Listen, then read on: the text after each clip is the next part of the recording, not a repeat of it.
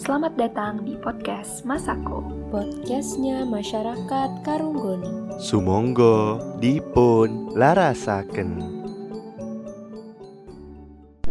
PP meresahkan. Nah, ini biasanya kalau kita udah kuliah gitu lah ya, kita buka Instagram itu selain ada konten-konten reels yang sekarang lagi ngetren juga ada konten-konten saingannya reels Apa tuh? yaitu paid promote eh paid gimana sih bacanya Paid promote ya Paid promote. Bener Iya, kan? kayak bocah Itu kampung yang banget ini nggak Paid sih? promote. Apa? Yang lelang-lelang gitu. Iya, iya biasanya lelang gitu. Terus tapi kan nggak harus lelang terus ada yang paling banyak ngeselin ini loh, versinya yang gitu Ada yang beberapa cari jodoh, terus ulang tahun gitu. Terus aku nggak tahu, aku aja ngerasa atau ya, kalian juga. Tapi lelangnya itu gambarnya itu template. Kalau nggak salah sepatu Air Jordan, terus eh, mobil Iya, mewah. Sama iya gimana nah kalau dulu ya dulu tuh paid promo tuh ada cuman biasanya variatif gitu Hmm. ada yang jualan A jualan B jualan C gitu tapi cenderung ke sini ke sini ke sini itu kecenderungannya adalah paid promote yang jual Spotify ilegal Mm, Iya. terus jual tadi lelang-lelang yang kita nggak tahu itu trusted atau enggak jasa isi dan selain ya heeh, selain menu-menuhin timeline itu kan kontennya ya kayak tadi yang teman-teman sebutin ya Mm. gitu-gitu aja terus gitu terus ini loh nggak nggak bagus gitu editannya tuh berantakan Iya, bener. Nggak- kayak nggak gitu, effort. iya sumpah siapa yang mau beli jualan kan kalau kayak gitu Iya.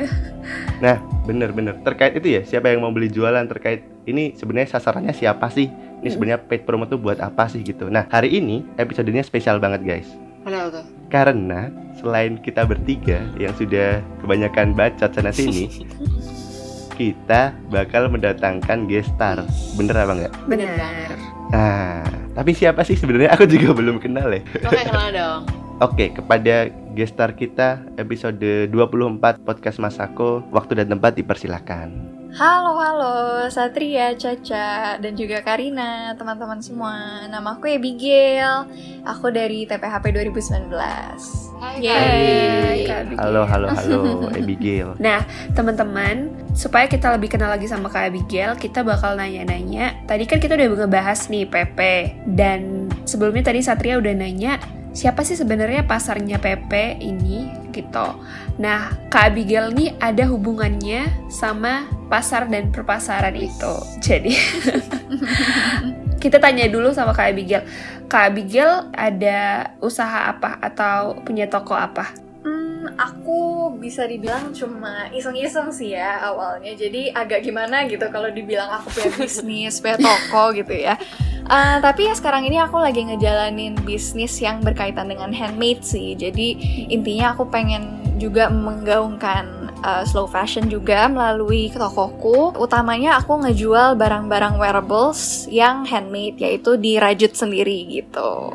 Wah, bagus banget ya motivationnya ya menggaungkan slow fashion. Eh, nama tokonya apa kak? Nama tokoku Art Bitek. Jadi tulisannya agak rumit ya. A R T B H I T E C. Art Bitek. Arsitek. Teman-teman yang tertarik nanti Ada Instagramnya guys, aja, lihat ha? aja. Bisa ya Bisa lihat di kan? bawah ini. Nah, tadi selain buat menggaungkan slow fashion, apa aja motivasi Kak Abigail selain itu buat jualan art bitek? Hmm, Oke, sebenarnya awalnya kan tadi aku udah bilang ya, awalnya tuh aku cuma iseng-iseng doang, Mm-mm. tapi akhirnya ada gitu keinginan untuk membangun toko selain juga untuk eh, ya dapat penghasilan sendiri siapa sih yang nggak mau kan? tapi utamanya bukan karena itu sih, karena aku sendiri juga belum financially independent, masih diituin sama orang tua aku, jadi masih nomor dua lah. Intinya untuk coping mechanism aku juga sih selama perkuliahan, jadi aku juga karena aku senang banget ngerajut dan juga aku punya komunitas baru di sana kan ada kayak komunitas crocheters dari Oh, iya. bahkan ada yang dari Filipina dari mana Oh, gitu kan jadi Uh, keren, keren. jadi keren, kita keren. tuh aku jadi banyak kenalan sama orang-orang luar gitu jadi fun banget sih gitu sama yang tadi aku sebutkan intinya aku juga pengen walaupun akunku masih kecil gitu ya tapi sedikit banyak aku pengen menggaungkan slow fashion ke semua orang gitu Ah, oke oke. Eh bentar, sebelum lebih dalam ya. Mm-mm. Bener gak sih kalau ngerajut itu bisa ini ngontrol emosi gitu? Salah satu terapi juga. Oh bisa dong, Kayaknya bisa iya. dong. Tergantung orangnya sih ya. Ada yang bisa Malah malah, emosi. Tambah Iya, butuh terapi gitu. Kalau orang Oh temperamen, malah ada yang tambah emosi. kalau orang Kok bisa? temperamen Iya. kayaknya perlu tuh. Mm-mm. karena kadang-kadang bisa benangnya nyangkut lah atau apa gitu kan jadi bisa bikin marah Ah. Nah, karena Kak Abigail tadi kita udah tahu udah mulai bisnis sendiri. Nah, tadi kan kita udah ngebahas pasar dan PP. Nah, kan Kak Abigail sendiri ada cara sen- tersendiri untuk memasarkan produk-produknya. Kalau menurut Kak Abigail sendiri gimana tentang PP? Oh oke, kalau PP itu jujur aja ya, memang aku tahu sih PP itu merupakan satu alternatif yang paling instan gitu. Karena biasanya kita mepet banget nggak sih kalau dalam organisasi gitu. Aduh pengen cepet-cepet pengen dapat duit ya PP gitu akhirnya kan. Hmm, bener. Uh-uh. Jadi menurutku memang sih aku kadang-kadang bisa mewajarkan kenapa orang tuh milihnya PP lagi, PP lagi. Tapi menurutku memang kurang efektif sih karena bayangin aja ya, kayak waktu itu aku pernah di jurusanku 102 orang harus ngepost kayak yang tadi teman-teman bilang tuh eh, apa ya fotonya jelek lah, apa apa nih ya.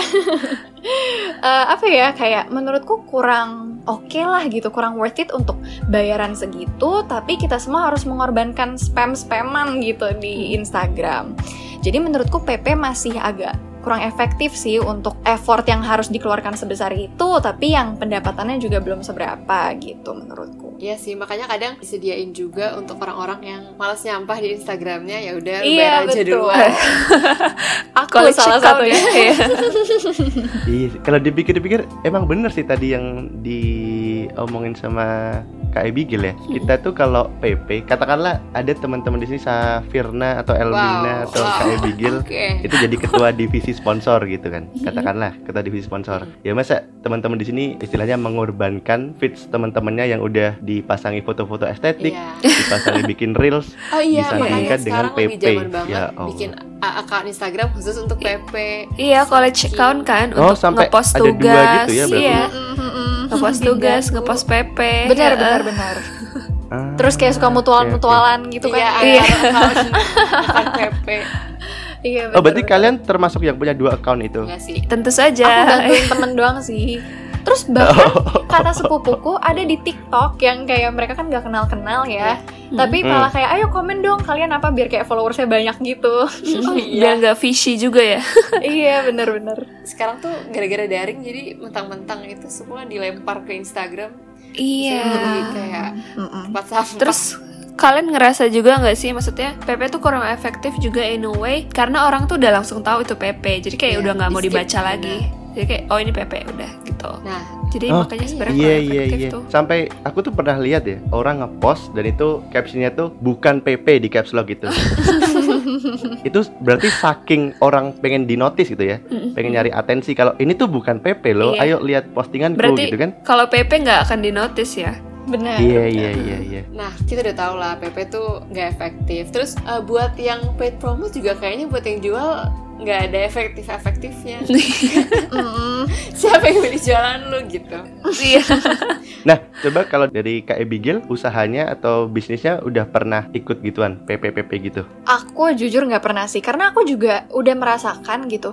Kalau dari sisi penjual, jarang banget gitu dilirik sama orang-orang. Ah. Justru malah kayak nyampah Iya. gitu loh istilahnya. Jadi lebih baik aku sih pakai alternatif lain gitu daripada PP, karena emang ya kayak tadi aku bilang nggak efektif gitu. Oh ya, jadi aku tuh baru diajak join fundraising untuk ada deh event bentar lagi gitu. Nah, Hmm. aku bakal PP guys.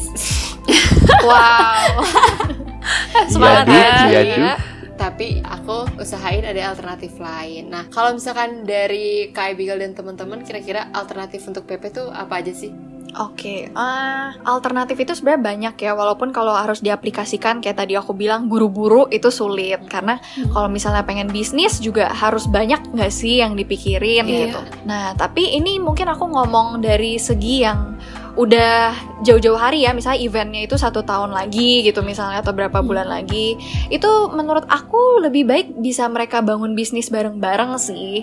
Pasti banyak dong di satu jurusan atau or- organisasi tersebut talentsnya itu beragam gitu. Terus misalnya ada orang yang bisa gambar nih ada orang yang misalnya aku bisa ngerajut atau bisa ngapain nah mereka bekerja sama tuh supaya mereka bisa bangun bisnis bareng-bareng dan ngasilin uang bareng-bareng. Itu kan jadi lebih enak gak sih? Bener sih. dan lebih Mm, berasa keringet bareng-bareng gitu jadi menurutku lebih satisfying juga gitu sih Apalagi kalau eventnya tahunan nih misalnya udah ada Hmm, iya, bisnis udah atas ada. nama eventnya gitu loh jadi tinggal Iya, dilanjutin benar-benar. lagi terus kayak Mm-mm. misalnya panitianya punya bisnis bisa jadi lama-lama makin tahun depan tahun depan makin nambah makin nambah makin nambah makin gampang cari Mm-mm. duitnya Benar-benar bikin merch yang bagus-bagus itu kan menarik ya. nah kalau dari Satria deh gimana saat menurut kamu Oke oke. Aku jadi kepikiran ini malah. Jangan-jangan orang yang PP itu nyari eh, momen di mana kita bisa ngeblast apa yang kita punya gitu ya. maksudnya Jadi pengen instant efek gitu. Bener gak? Mm-mm.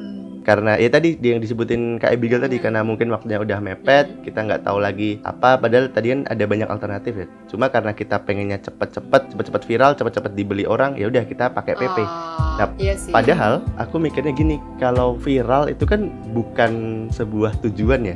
Harusnya viral itu dampak. Dampak dari apa? Dampak dari kita ngelakuin suatu hal dengan saking bagusnya gitu loh. Hmm. Kita konsisten ngelakuin hal bagus, konsisten ngelakuin hal bagus, lama-lama viral sendiri. Iya. Tapi kalau viral benar. dijadiin tujuan, ya ada banyak shortcutnya gitu. Oke, jadi alternatifnya apa saat? Alternatifnya adalah ya tadi buatlah produkmu semenarik mungkin. Ada ada path-nya yang nggak bisa serta merta dilalui dengan shortcut yang namanya paid promote. Hmm. Jadi benar-benar harus nge-build bisnis tuh slowly gitu. Mm. Slowly but surely ya. Kalau instan kayaknya hasilnya juga nggak terlalu segitunya. Bener bener. Dan menurutku sendiri banyak loh sebenarnya kayak sekarang kan udah ada ads di Facebook, ada ads di Instagram, itu Hmm. bisa di set sendiri gitu. Misalnya kita pengen oh sehari 30.000 ribu, sehari 50.000 ribu, sesuaiin aja sama budget Iya, ha, ha, ha, organisasi. Jadi dan kita bisa cari audiens sendiri bahkan. Jadi itu pelan-pelan sih, pelan-pelan tapi pasti gitu nanti orang-orang yang targetnya sesuai itu bakal tergaet gitu. Emang kalau misalkan nak nyari duit tuh nggak bisa cepet-cepet ya. Iya dah. Bener, Harus proses. bener-bener. Nah kalau dari Karina gimana? Eh, jujur karena aku kurang ada sense-sense bisnis. Kalau aku tapi aku cukup cukup setuju sama yang dibilang Satria. Maksudnya kayak aku bilang tadi, menurutku nggak ada outcome yang akan cukup memuaskan kalau jalannya tuh instan. Jadi harus harus di, dibangun step to step sedikit demi sedikit gitu loh. Jadi prosesnya tuh harus panjang gitu. Jadi dan selama berproses tuh kan ada pelajarannya juga. Nah kalau instan kan kayak langsung jadi kayak apa yang mau dipelajarin gitu loh. Jadi nggak cuman akhirnya bisa dapat outcome yang bagus tapi juga pas di prosesnya tuh banyak banget pelajaran yang bisa ter- terus dipakai gitu kalau menurutku. Jadi eh, PP melihat situasi sekarang udah nggak jadi option lagi sih. Karena aku sendiri kayak nggak pernah ngenotice PP orang. Maksudnya dia ngepost apa gitu. Paling yang lelang Air Jordan karena kayaknya seluruh orang kasih kayak dari kampus mana pun kayak ada PP-nya itu Tapi terus ini gitu deh, loh kan kalau kita nge-story apa kayak selfie kayak apa pasti viewersnya banyak. Kalau misalkan nge-story Pepe pasti cuma iya asli Tapi kok pernah nggak sih lihat yang orang ulang tahun terus diituin di Iya, PP? iya, iya. Sumpah masalah kan kita nggak kenal ya. Bingung. Iya. Terus Ya ampun. yang teman-temannya iseng kayak eh, ini kayak dicariin pacar gitu, aduh, Iya. banget. Nah, eh, itu kan kalau yang disebutin eh, KAB, Karina sama Satria tadi mungkin butuh waktu yang agak lama ya kan. Untuk untuk event yang masih berbulan-bulan gitu. Nah, kalau misalkan event kalian tinggal sebulan gitu mepet, aku ada sih kayak salah satu alternatif dari PP tuh eh, kita bisa dropship. Hmm, iya bener-bener Jadi yang pasti laku nih, yang pasti laku tuh makanan Hmm, kayak makanan yang apa kayak pedes-pedes, keripik yang pedes-pedes. keripik-keripik Iya, atau kayak misalnya waktu lagi zaman croffle jual croffle, lagi Uh-uh. zaman nasi mental jual nasi mental. Jadi, aduh, gue takut sotoy. Kalau salah sorry banget ya. Nah, dropship itu jadi kita itu cuma kayak perantara yang nganterin gitu loh. Iya Jadi- bener kok. Oke, jadi si konsumennya tuh bayar ke Nggak sotoy lah ya bener-bener. konsumennya bayar ke kita dengan amount yang udah kita tambahin untungnya dari si produsennya gitu jadi eh ya mungkin bisa lebih 5000 gitu kan sekali jual makanan Hmm. Semacam ini berarti reseller gitu. ya kayak reseller Tapi bedanya kita kayak cuma ini nggak sih, cuma pass gitu loh. Ah, nggak- kayak nggak cuma ngoper aja. eh, b- barang ya yang ngirim juga produsen kan bukan Mm-mm. kita Mm-mm. Iya bisa bisa Oh, Kita bisa. murni perantaranya Iya. berarti ya. Kalau takut kalau takut rugi itu dropship nah tapi kalau misalkan kayak cuma snack-snack yang beribu-ribu mungkin bisa kalian nyetok terus nanti kalian yang kirim gitu. Itu sih kalau uh, ide dari aku tuh makanan tau deh Oke oke. Aku jadi penasaran ini malah Apa? yang dilakukan KEB dengan bisnisnya itu kan tadi kan katanya nggak ini ya nggak nyasar ke PP ya. Berarti selama ini gimana marketingnya itu gimana? Oh, kalau aku sendiri itu kan aktif bermedia sosial ya, utamanya Twitter sama Instagram. Jadi engagement aku di Twitter dan Instagram aku pergunakan deh, walaupun nggak seberapa ya. Jadi aku pakai produk yang aku bikin sendiri untuk ngiklanin sendiri gitu. itu utamanya sih. Jadi orang-orang eh, ngelihat produkku sama sekalian postku gitu. Terus juga kayak yang tadi aku bilang dari Instagram Ads, terus juga Hmm? Uh, ini yang aku banggain dari crocheting ini adalah sama temen-temen itu nggak ada saingan sama sekali. Jadi misalnya aku punya temen crochet yang di Jakarta nih, dia juga promote toko aku dan aku juga promote toko dia. Jadi memang komunitasnya menurutku Oh, positif. saling ini ya. Mm-mm, benar dan apa ya walaupun kadang-kadang memang ada yang kurang menyenangkan lah ya karena pernah ada yang nyuri desain aku, ada Nah, juga yang Wah. Itu Iya, tuh. kayak gitu-gitu tuh. Aku Nah. tuh mikir juga kalau misalkan kayak Kak Abigail kan jualan barang seni gitu. Nah, Mm-mm. itu itu kan ada ciri khasnya tiap orang. Jadi sebenarnya nggak perlu saing-saingan karena iya ya benar-benar. Yang dibuat Kak Abigail sama yang dibuat sama orang yang di Filipina misalnya itu kan udah pasti beda, ada ciri khas masing-masing Mm-mm, gitu. benar.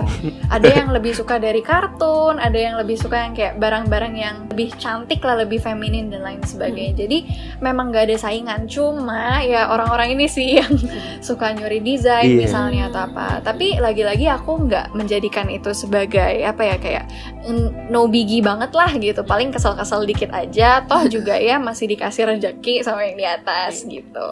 Kalau kalian lihat uh, piece-piece-nya kayak Bi yang di Art Bitek tuh lucu-lucu banget sumpah. Ada yang waktu itu kayak Thank Bi you. pernah bikin ini gak sih topi yang buat kucing gitu? Oh Iya. iya, lucu banget. Yang kayak Ya, gambar-gambar dong yang nggak tahu dong. katak-katak itu gak sih? Dilihat ya abis ini ya. Yang dimasukin ke kuping gitu terus jadi Iya. Apa nama twitternya Ya ampun. apa? nama Eh, oh kalau Twitter aku ini sih personal chromatography. Sorry ya susah ya. Ntar aja aku tulis di bawah. Oke deh, bisa nanti. Mm-mm. Iya gitu sih. Aku juga kayak misalnya nih di Rajut itu kan suka ada pattern testing. Intinya kalau misalnya ada orang mau jualan, mereka cari yang bisa ngetes pattern mereka gitu. Jadi aku suka ikut gitu juga supaya komunitasku lebih luas, orang-orang juga banyak yang follow gitu dan aku bersyukur sih sekarang ini aku nggak nyangka gitu, aku nggak pernah menyangka mungkin buat orang-orang itu kecil ya tapi buat aku followers 2100 itu, menurut banyak aku udah pencapaian gitu. Iya jadi Banyak, aku seneng banyak, banget 2100. sih. Uh, uh, dan selama aku kuliah aku malah jadi happy banget gitu sama bisnisku ini. Eh, udah gitu lumayan baru kan ya buat Eh, aku bikinnya September tahun lalu sih ya udah setahun lah. iya setahun langsung 2000 Pesat tuh, uh-uh. iya Ya alhamdulillah. sama ini deh aku kepo eh, KIB itu awal pengen ngerajut gitu gara-gara apa Aku itu hobinya banyak banget kan ya. Aku suka nyanyi, suka ngapain lah semua deh. Uh, uh, jadi aku iseng-iseng aja sih waktu itu tuh uh, nyoba-nyoba dan ternyata aku suka gitu. Dan awalnya aku cuma bikin account Art Bitek itu buat pamer-pamerin barang-barang yang aku bikin aja Hmm. gitu. Hmm, hmm, Eh ya namanya juga di sekitaran ya dan aku tuh memang dari dulu udah kebiasaan jualan gitu loh. Jadi ya eh, mungkin Caca tahu ya dulu aku jualan cake Tahu, gitu tahu. karena kurang realistis selama aku kuliah bikin cake jadi akhirnya aku beralih dulu ke Arbitek gitu. Oh, yang menarik, kayak menarik, gitu dulu menarik. rame banget loh aku sempat nyobain juga Iya banyak. Ini dari angkatan kamu juga banyak Uh-uh. tuh yang ini. emang enak sih tapi Thank you. Kayaknya ini deh, habis podcast ini kita bisa belajar ngerajut bareng Bisa. KFB deh, ya Boleh, sih? Bareng silakan. boleh Khusus di sini Aduh, aku jadi ajarin. tertarik ya. Wis mantap, mantap, mantap. Nah, eh, tadi itu kan dijelasin tapi masih mengerucut ke kayak eh, bisnisnya KIB ngerajut atau mungkin yang jualan cake. Nah, kalau secara general KIB ada tips nggak untuk eh, generate money online? Hmm, kalau dari aku sih yang pasti kalian harus happy dulu ngejalaninnya gitu. Jangan sampai cuma apa ya merely untuk oh yang lagi ngetren apa sih, yang lagi happening apa sih supaya laku gitu. Jangan karena nanti nggak akan sustain gitu karena kalian nggak happy ngejalaninnya. Intinya sih kan kita masih kuliah ya, jadi sebenarnya nggak usah lah terlalu overthinking atau dipikirkan gimana gimana. Kalau misalnya memang kalian lagi ada uh, interest akan sesuatu ya jalanin aja dulu. Karena kayak aku aja awalnya iseng-iseng tapi ternyata ya sampai sekarang masih berjalan gitu. Jadi intinya sih cari dulu kalian tuh titiknya di mana sih? Kalian happy-nya di mana sih? Jangan sampai malah nanti perkuliahan mundur tapi bisnisnya juga nggak jalan gitu kan. Nah, itu. itu jadi happy dulu lah sama apa yang kalian kerjakan nanti juga adalah semua yang ngikutin gitu Wih, mantap, mantap, mantap. Iya, Aku tuh seneng banget loh kalau ngobrolin bisnis Eh. sama sambil-sambil kuliah itu kan asik ya ya, eh, orang kelihatan orang bisa nge-manage gitu lah ya. Iya. Amin, masih belajar juga sih. Aduh, ini juga lagi praktikum gitu. Ah, iya banget. Tapi enaknya online gitu. Jadi kalian bisa manage sendiri misalnya. Oh, lagi pengen tutup toko nih ya udah tutup. Kalian bilang aja di Instagram tutup sementara gitu. Kalau misalnya kita punya toko yang offline ya kan susah nggak sih orang-orang datang Iya, nggak iya, buka iya, iya. sih gitu-gitu. Enaknya online gitu. Tapi emang bener sih eh, kalau misalkan kita tuh harus enjoy. Kan bahkan kalau kayak Ebi kan bahkan bikin sendiri. Aku aja yang cuma jual ulang baju bekas kan cuma ya udah cuma foto gitu. Kalau misalkan lagi padat tuh rasanya ya tetap susah. Tapi Pusing ya. mm, gimana cara kontennya tuh mikir konten tuh mikir banget. Tapi Iya, apalagi thrift shop ya harus mikirin setting dan lain sebagainya.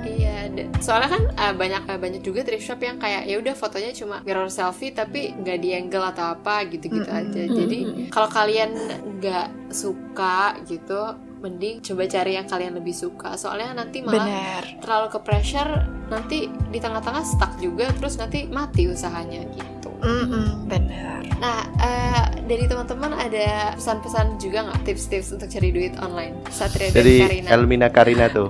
Jujur nggak, aku nggak tahu. Aku tuh, aku tuh paling kayak apa ya? Mungkin kalau Paling- Karina kita tanyanya tips belanja online gitu. Iya, iya itu benar. Asik. Kalau aku Dia lebih mahir kayaknya. Satria dong, Satria apa? Iya kan Satria kamu tadi mau ngasih ini bilang kan. tertarik kalau ngomongin bisnis. Tuh gimana saat? Mm-mm, Tertarik. Nah itu karena aku pemahamanku terkait nyari duit online itu masih cetek ya. Aku tuh seneng banget ngobrol-ngobrolin gini. Kan sekarang tuh kan yang lagi ngetren tuh ya kita semua tahu lah ya ngomongin tentang saham, ngomongin tentang Mm. kripto, bitcoin dan lain-lain gitu. Dan banyak orang cuma ikut-ikutan aja tanpa tahu basicnya. Bener. Cuma nebak, oh ini naik apa turun nih abis ini? Naik turun, naik turun. Tiba-tiba rugi, tiba-tiba utang. Iya, story terus alhamdulillah pagi hijau. Apa sih hijau? Iya, Lampu lalu lintas hijau gitu kan. Nah, aku pikir tadi bener sih tips cari duit online ya, entah apa pun usahanya jangan sekedar ikut-ikutan. Mm-mm. Kitanya harus seneng dan kitanya harus tahu apa sih yang pengen kita usahain gitu. Kan ada dua ya, antara kita mau dan kita mampu. Itu nggak harus dua-duanya terpenuhi. Salah satu aja boleh gitu. Dan bisa juga apa sih value yang pengen kita sampaikan gitu ke orang supaya lebih Ah, kuat betul lagi. betul betul. Lagian sekarang story itu menjadi penting ya. Oh, Apa yang ada di balik sebuah produk itu menjadi iya, penting. Karena konsumen sekarang tuh udah pinter-pinter banget. Jadi kalau Hmm, kalian Contohnya Elmina Karina Tarigan. pintar konsumen, iya.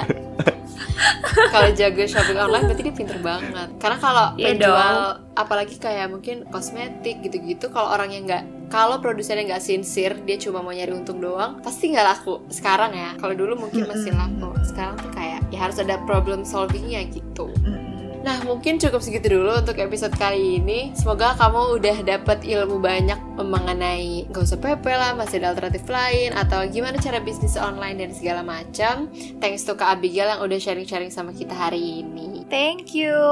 Makasih kak. Thank you Kak Abigail. Sip, seru banget loh. Jangan lupa nanti ajarin kami ini yang ngerajut ya. Iya, habis ini langsung deh. Oke, langsung om Siap, kita siap, ngerajut semua aja.